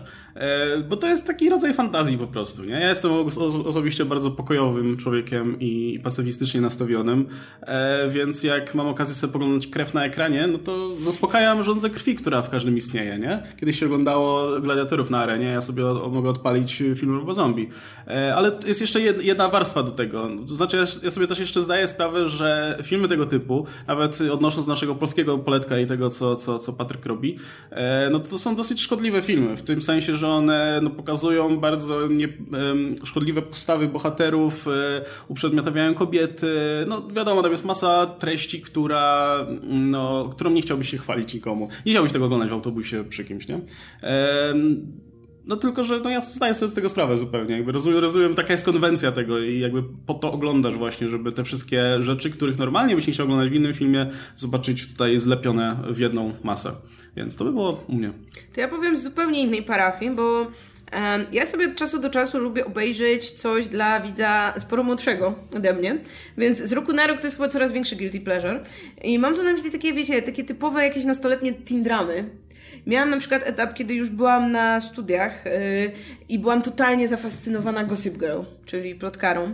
I o mój Boże, to jest serial, który składa się głównie z tego, że mamy bogatą, rozpieszczoną młodzież, która y, prezentuje super drogie ciuchy, mieszka w super drogich apartamentach i co chwila ktoś jest z kimś innym i ich największe dramy to jest takie wzajemne knucie przeciwko sobie i podkładanie sobie świń o mój Boże, ja to oglądałam z takim autentycznym przejęciem, kibicując y, tym parom, które uważałam, że są dużo lepsze niż inne pary i po prostu ci i ci powinni być ze sobą. I po prostu potrafiłam, bo ja zaczęłam oglądać, jak to już tam ileś sezonów było, no więc potrafiłam, nie wiem, nie iść na nudny wykład, żeby obejrzeć jeszcze trzy odcinki więcej po prostu danego dnia, yy, czy coś takiego. A później, jak skończyło się mi Gossip Girl, to oglądałam, to, to była starsza produkcja jakby tych, tam chyba scenarzystki tej samej, właśnie jej poprzednia, czyli e, DOC e, od Orange County. I to był serial, który tam rozgrywał się w Kalifornii, w takim środowisku powiedzmy też nastolatków, ale takich trochę surferów. I tam był jeden, głównym bohaterem był taki bad boy, który był z takiego patologicznego środowiska, ale został tam przygarnięty przez właśnie też taką bogatą rodzinę, która tu ma willę nad oceanem. I tego typa grał ten, który Komisarz teraz Gordon. go tam grał komisarza Gordona teraz po latach. On się chyba nazywa Ben Nienawidzę McKenzie. tego serialu ponad wszystko. Mój sąsiad kiedyś oglądał go w kółko i non-stop słyszałem wejściówkę. Leżę sobie w nocy, Kalifornia, siedzę wiesz, trzecia w nocy, siedzisz cicho, po prostu siedzisz i non-stop gość po prostu, on potrafił całe noce binge'ować to tak głośno, że cały blok to słyszał. I non-stop słyszałeś tą wejściówkę. Kalifornia. To jest serial, który mnie absolutnie prześladował. Musiałem, aż nie miałem pojęcia co to jest, musiałem zobaczyć jak serial ma taką wejściówkę. Więc Okay. I nie wciągnąłeś się, nie zacząłeś oglądać? Nie, zobaczyłem tylko jakiś serial i stwierdziłem, wiem czego będę nienawidził od tej pory najbardziej o. na świecie. Jakby, wiecie, znaczy ten serial był śmieszny, bo to była główna ta para bohaterów, czyli właśnie ten chłopaczek, oczywiście miał tu taką grzywkę surfera i taki był taki niby niepokorny, ale taki wiecie, o gołębim sercu, no i miał tę swoją ukochaną, yy, która była też taką total... Czy ona była taka, wiecie, tak się miotała między nim, a tym takim oczywiście Hankiem ze szkoły, ale pal biedy ich. Tam była druga para, która była super, e, czyli e, tam, e, o Jezu, Adam Brody i Rachel Bilson ich grali. O mój Boże, on był takim totalnym nerdem, a ona była taką, taką trochę takim typem księżniczki. Ale jakby tak wiecie, tak spotkali się w pół drogi, ona się potem przybierała dla niego za Wonder Woman i w ogóle, no rzeczy się działy. Więc tak, to, to były moje takie, myślę, największe guilty pleasure. I te odcinki trwały po 20 minut, prawda? Bo inaczej... Nie, 40. Jak? 40, oczywiście. I po 20 odcinków. To znaczy on całą noc to katował, bo musiałem, bo całą noc przynajmniej kilka razy słyszałem tą piosenkę wyjściówki. Także musiało tam całą noc lecieć. Nie, nie, a ja no bo jak, jak się wciągniesz, to nie przerwiesz. I, i nie umijał czołówek. To no nie, to nie zawsze, ca cała czołówka leciała, to akurat wiem, bo, bo wtedy zgłaśniał chyba, nie wiem. Nie mógł sobie włączyć, wiesz, to może taka stara, starsza osoba była, która na przykład nie potrafiła włączyć sobie na, takiej piosenki w całości, więc to jedyny sposób. Go nie interesował serial, on tylko chciał czołówki oglądać. Nie, nie wiem. No. No dobra, to wasze typ. Radek. To, to, to ja to. Ja kocham e, kolejne części e, filmów, których nikt nie chciał oglądać nawet pierwszej części. E, jestem, jestem wielkim fanem. Na przykład mamy, nie wiem, Króla Skorpiona. E, mamy wszystkie te filmy, które sponsoruje ten WWI, ci od wrestlingu, nie? ładują w to kasę, czyli ładują tych swoich e, wrestlerów do tych filmów. Mamy na przykład Marine albo 12 rund i w pierwszych częściach występował jeszcze John Cena, największa gwiazda w tych, wiesz, wtedy i dzisiaj też e, wrestlingu, a w następnych już występowali ci, którzy po prostu musieli, nie? Czyli brali następnych, czyli na przykład, nie wiem, jakiś e, Ted DiBiase chyba grał w e, Marine dwójce, pamiętam, że w trójce, w dwójce 12 rund grał Randy Orton, a w, trójce to już dał, grał Dean Ambrose, to jest taki, taki wiesz, którego ciskasz, bo to już jest trzecia część, nikt nie chce tego oglądać. I kocham, bo wtedy twórcy mogą naprawdę robić co chcą, bo nikt nigdy niczego nie oczekuje od tych filmów. Wiedzą, że oni, te filmy idą od razu do śmieci. Dlatego jestem wielkim fanem Król Skorpion 3, Król Skorpion 4, nie? Ja zawsze jak ten, jak właśnie tam e, wpadam do, do Kuby albo do Artura, ten jak no, oglądać e, miejsce te maratony filmowe, to zawsze też najpierw le, leciały filmy z lat 80., czyli te wszystkie z Sigalem, to też jest cudowne guilty pleasure, te wszystkie główne, jak on tam w Warszawie się buja. Tak, jak on się buja po Warszawie, gdzie tam Pałac Kultury robi za wiesz, tą bazę głównego złego, bo był, on ma okres, on ma, Okres Polski, kiedyś możemy o tym porozmawiać. Okres Polski Sigala jest cudowny, są chyba dwa czy trzy filmy. I Sigal, jak się, szczególnie najlepszy jest Sigal w tym momencie, kiedy on się zupełnie rozpada. I już wiesz, te, po, po 2000 roku to jest całkowita erozja człowieka i koniec wszystkiego. To jest piękne, po prostu jak on już się siedzi, jak są sceny seksu, gdzie on jest w ubraniach i ta dziewczyna tam na nim skacze, on się na łóżku siedzi, nie rusza się, nie? Cudo. Mam o tym, na swoim kanale mam o tym film. Jak ktoś chce zobaczyć, to nie będę o tym gadał, może zobaczyć. Mamy całą ponad godzinę. Wszystkie filmy z Sigalem prawie widzieliśmy. No, ale wracając, to wszystkie lubię właśnie te filmy, które są kontynuacjami. Jest taki reżyser, który się nazywa Roel Rain. On robi tylko kontynuację tych filmów, których nikt nie chce oglądać pierwszych części. I na przykład polecam e, komentarz reżyserski do Króla Skorpiona 3. I to jest naj, najbardziej... Zdanie, którego nikt nigdy nie wypowiedział. zrobił komentarz reżyserski, gdzie opowiada o tym, jak powstawał ten film, nie? A to wygląda, wiesz, ten film wygląda jak odcinek Kseny, ten z tych gorszych jeden.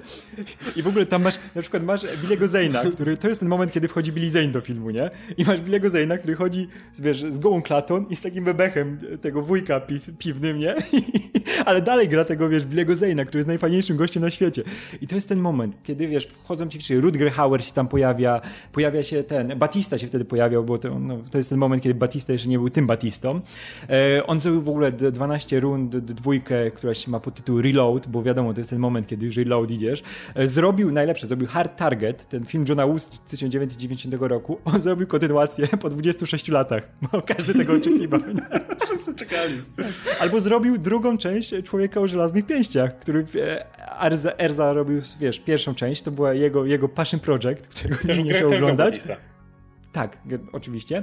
To był jego passion project, zrobił sobie, bo miał pieniądze, bo jest raperem, więc wiadomo, mógł coś zrobić.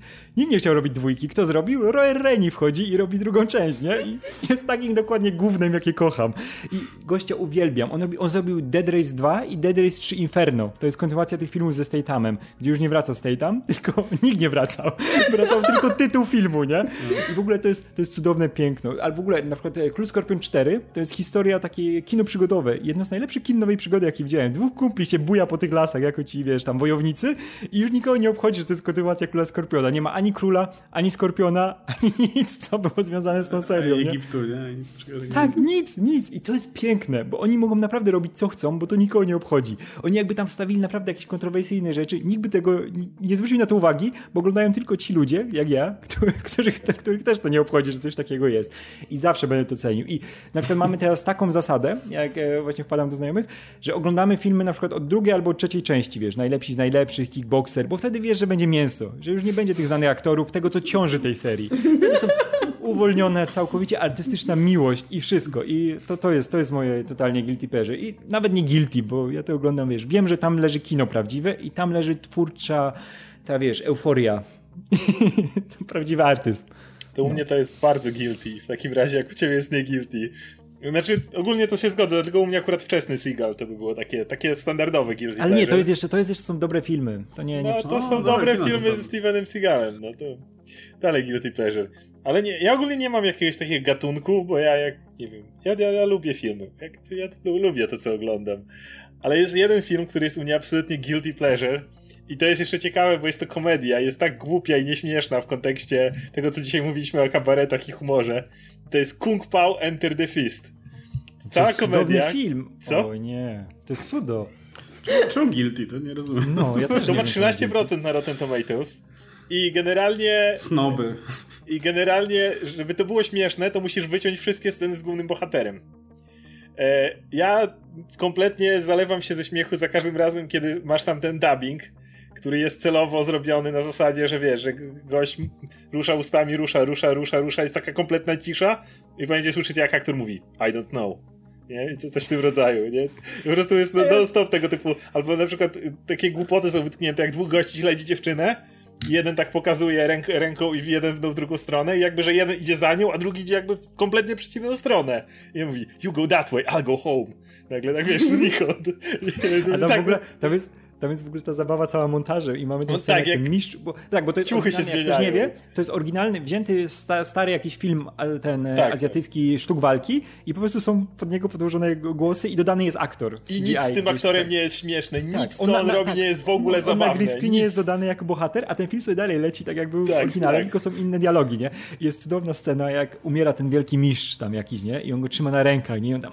A potem, że ma się całkiem dobrze, Tak, bo jest później- inna, a tak, inna Ale kolejność. później jest właśnie to cięcie montażowe, że wracają do tej sceny i on nie umarłem, nie? Że tylko, tylko żartowałem. Ale- ale przymknąłem, mówię- oczy, przymknąłem na chwilę oczy, nie? Za każdym razem, jak próbują trzymać humor koło głównego bohatera, to jest ten film jest żałosny. To jest takie, wiecie, taki Adam Sandler dużo go, jeszcze gorszy.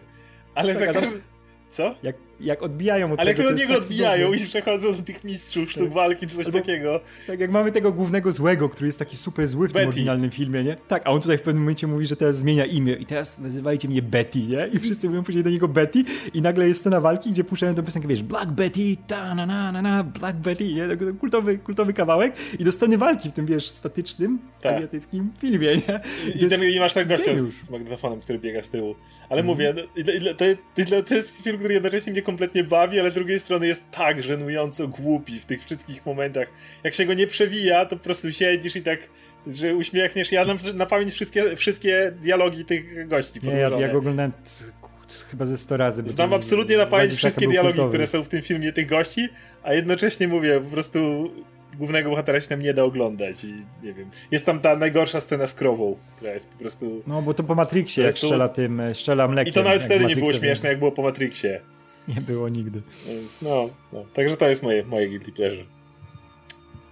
No dobrze, to jeszcze e, jakieś może fanarty na zakończenie. tak Zobaczymy, zobaczymy, co tu na nas czeka w skrzyneczce. E, zaczynamy od pracy, którą nadesłała nam stwórczyni niebieska z życia e, NK Pająków, ciąg dalszy. I to jest jedna z licznych prac dotyczących pająków, bo dostajemy całą serię o pająkach. I, Ja nie e, wiem, czy będziemy w stanie pokazać wszystkie, bo więc ich jest tak dużo. Co, co jakiś czas będą się przewijać, więc tutaj mamy środa i sobota, dni prezentów od fanów.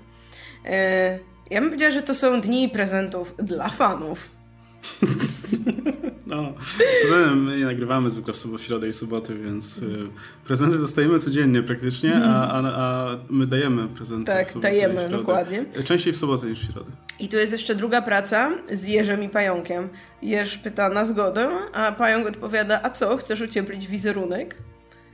I to jest, pają, to jest pająk Radek. Więc niech Radek się tłumaczy, bo ja rozróżniam te pająki jakby co. No i tak, tak dużo było tej pracy, że już rozróżnia, rozróżniamy kolory pająków. No nie no, Radek jest od początku pająkiem w kolorze kupy. No, ja jestem. A, Okej, dlatego zapamiętałaś.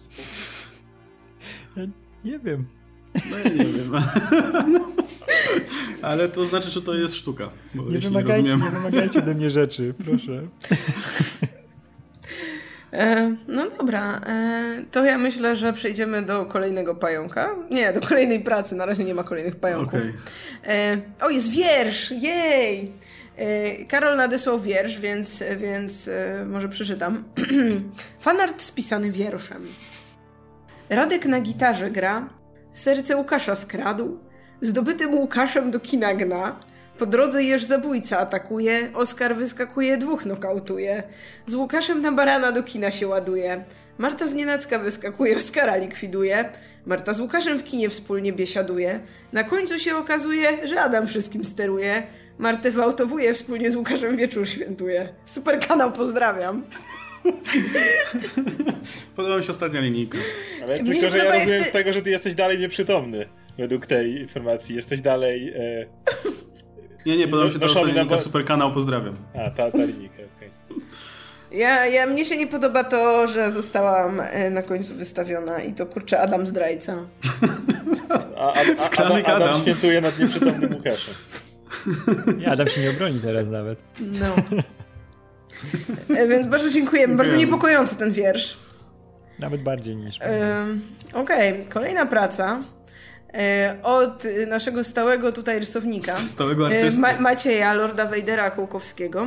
Jest to praca pod tytułem Fanart Lechu Stan i Stary Cap. I jest to autentycznie stary cap, tak myślę. Jest odpowiednio stary. Tak, i Lechu Stan jest piękny. Tutaj dużo elementów. Wow, budki na przykład Lechusana No. są tym połączeniem tych japońskich budków i tych polskich, typowo polskich skarpet, nie? Z tymi takimi kolorowymi No, palcami i piętami. Podoba mi się, że y, to też jest Lechusan, ale jest inny niż ten, który mieliśmy ostatnio, nie? W, Tak. w Ta, tym. znaczy, ta głowa jest inne- fascynująca. Jak patrzysz na jego głowę, to raz widzisz takiego typowego polskiego, wiesz, takiego Lecha, ale jak, jak tak znowu popatrzysz trochę na tę fryzurę, to jednak widzisz, że trochę San. No, jesteśmy, No tak. jesteśmy tyle od Lechu Sanvers. I ma reklamówkę z Biedronki, nice touch. No, a Cap ma takie chodaki wspaniałe. No to jest I- ten... To jest ten jest Steve taki- Rogers, który się cofnął w przeszłość i coś I został tak. Menelem. Coś poszło nie tak zdecydowanie. Chciał, chciał się cofnąć wiesz, do Peggy, a jednak w jastarni wyskoczył. No. I zastanawiam się, I co, został tam. co mu się w ucho stało, bo wygląda albo jakby miał zakrwawione, albo nawet tak trochę odgryzioną tę małżowinę. Zastanawiam się, Sprzedał czy to celowo, ale no super, podoba mi się. Bardzo ładny. Bardzo dziękujemy. Mm. I może jeszcze, o, kolejna praca. Proszę nie czytać nazwiska z maila, dobrze, więc nie czytam, ale mogę powiedzieć, że autorem jest Eryk. Yy, wiem umiejętności graficzne levelerów mariańskich. Jeśli Wam się spodoba, mogę zrobić inne. Pozdrawiam. I to jest praca pod tytułem e, Gotuj z Thanosem. e, Netflix Originals w styczniu 2020. W roli głównej Josh Brolin, gościnnie Karen Gillian oraz Zoe Saldana. I co to jest za potrawa za Thanosem? Mam nadzieję, że nie jest... Ekspercie żywieniowy. Trochę nie rozumiem dowcipu, ale może ktoś E, biorąc pod uwagę, że tam są jakieś zielone elementy, to pewnie jest z Zoe Saldany. Uu. No bo to co te bulwy, co tam miał zrywać, nie? A coś... Nie, to jest ci- trzeciorka. To jest trzeciorka, Thanos tak? jest fanem trzeciorki E, najwyraźniej. Thanos zrobił jakąś tam zupkę, ale to tak nie, bardzo. To jest trzeciorka i Gamora. E, I O nie. Cieciorka i Kamora. Najlepsza sałatka. to, będzie, to będzie drugi sezon się tak nazywał. A, no dobra, to jeszcze może ostatnia praca. Znowu od Lorda Vadera. Tym razem jest to detektyw Godzilla versus Smog Wawelski, którzy się biją. I mamy przerażoną Jesus. Mofrę na dole. Co tu się dzieje? Czemu, czemu Godzilla się... Ja nie wiem, czemu pojawia się właśnie element, ten e, figura Smoka Wawelskiego w historii z Godzillą. Godzilla nie operuje w tych samych miejscach, w których Smok No, Wawelski jest. Czemu widzisz, go tak na siłę? Czemu, czemu trzeba tak na siłę dawać element polski, że patrzcie, tu Polacy są, tu znowu nasi. Nie, ja nie chcę, oni się nie znają oficjalnie. Słuchaj, no tu w kanonie to już mamy, że obaj panowie da darzą Madame Mofrę wielkim uczuciem, dlatego musiał w końcu nastąpić konflikt. Jeszcze jakieś pytania? Ja się nie zgadzam. Smog Wawelski pali jeszcze- cygarów. Koniec końców żywi się smogiem. proste, proste. Ma, ma to Wygląda- sens, no ale, ale twój detektyw się- Godzilla jest tutaj i dostaje w pierdziel. Tutaj nawet widzę, zęba mu wybił, tak go uderzył jednym ciosem. Jakbyście nie wiedzieli, to Smog Wawelski wygląda jak Charizard, więc... No, ale taki Packer Charizard. Taki Wydaje, plaży. że, wydaje mi się, że plaży, autor, nie? Taki- autor widział więcej razy Charizarda niż Smoka su- surfer. Charizard. No, To jest Alo, Charizard. Aloan Charizard chyba. Wersja z Alola. No dobra, to myślę, że tyle prac e, na dziś w zupełności wystarczy, żeby tutaj zapewnić Wam e, wrażenia artystyczne na ten tydzień. E, Prac i jeden wiersz, nie zapominajmy o wierszu. E, Więc dziękujemy Wam bardzo za wszystko, co nam przysyłacie. Kolejne prace oczywiście w kolejnym tygodniu, kolejne pytania też w kolejnym tygodniu. Możecie nam oczywiście stale przysyłać następne pytania. Może dzisiejszy odcinek zainspirował Was do poruszenia jakiegoś tematu. Na przykład chcecie więcej wiedzieć na temat naszych. Chcecie więcej wiedzieć, co myślimy o, nie wiem, polskiej muzyce rozrywkowej, polskich programach telewizyjnych, albo czymś e, bardziej. e, Albo o. Marvelu. Albo o Jokerze i, i Tak. tak dalej. Jesteśmy otwarci na wszystko. Tak. I pytania oczywiście na adresie. Co, co ja w ogóle mówię? Pytania standardowo możecie zadawać pod adresem napisy końcowe.pl kośnik hejs. Yy, Na dole znajdziecie oczywiście link w opisie tego wideo, a z kolei fanarty możecie przysyłać na, nas, na nasz adres yy, napisy k.gmail.com. Tak, i to już chyba wszystko, co miałam Wszystko. powiedzieć. Tak, dobrze. No to w takim razie dziękuję również Wam, że pojawiliście się i dzielnie tutaj e, wypowiadaliście się o tematach, które mogą budzić w Was e, traumy i przykre wspomnienia. E, był ze mną Łukasz Stelmach, Oskar Rogowski, Radek Pisula. Ja się nazywam Marta Najman, śledźcie dalej napisy końcowe. Trzymajcie się, cześć!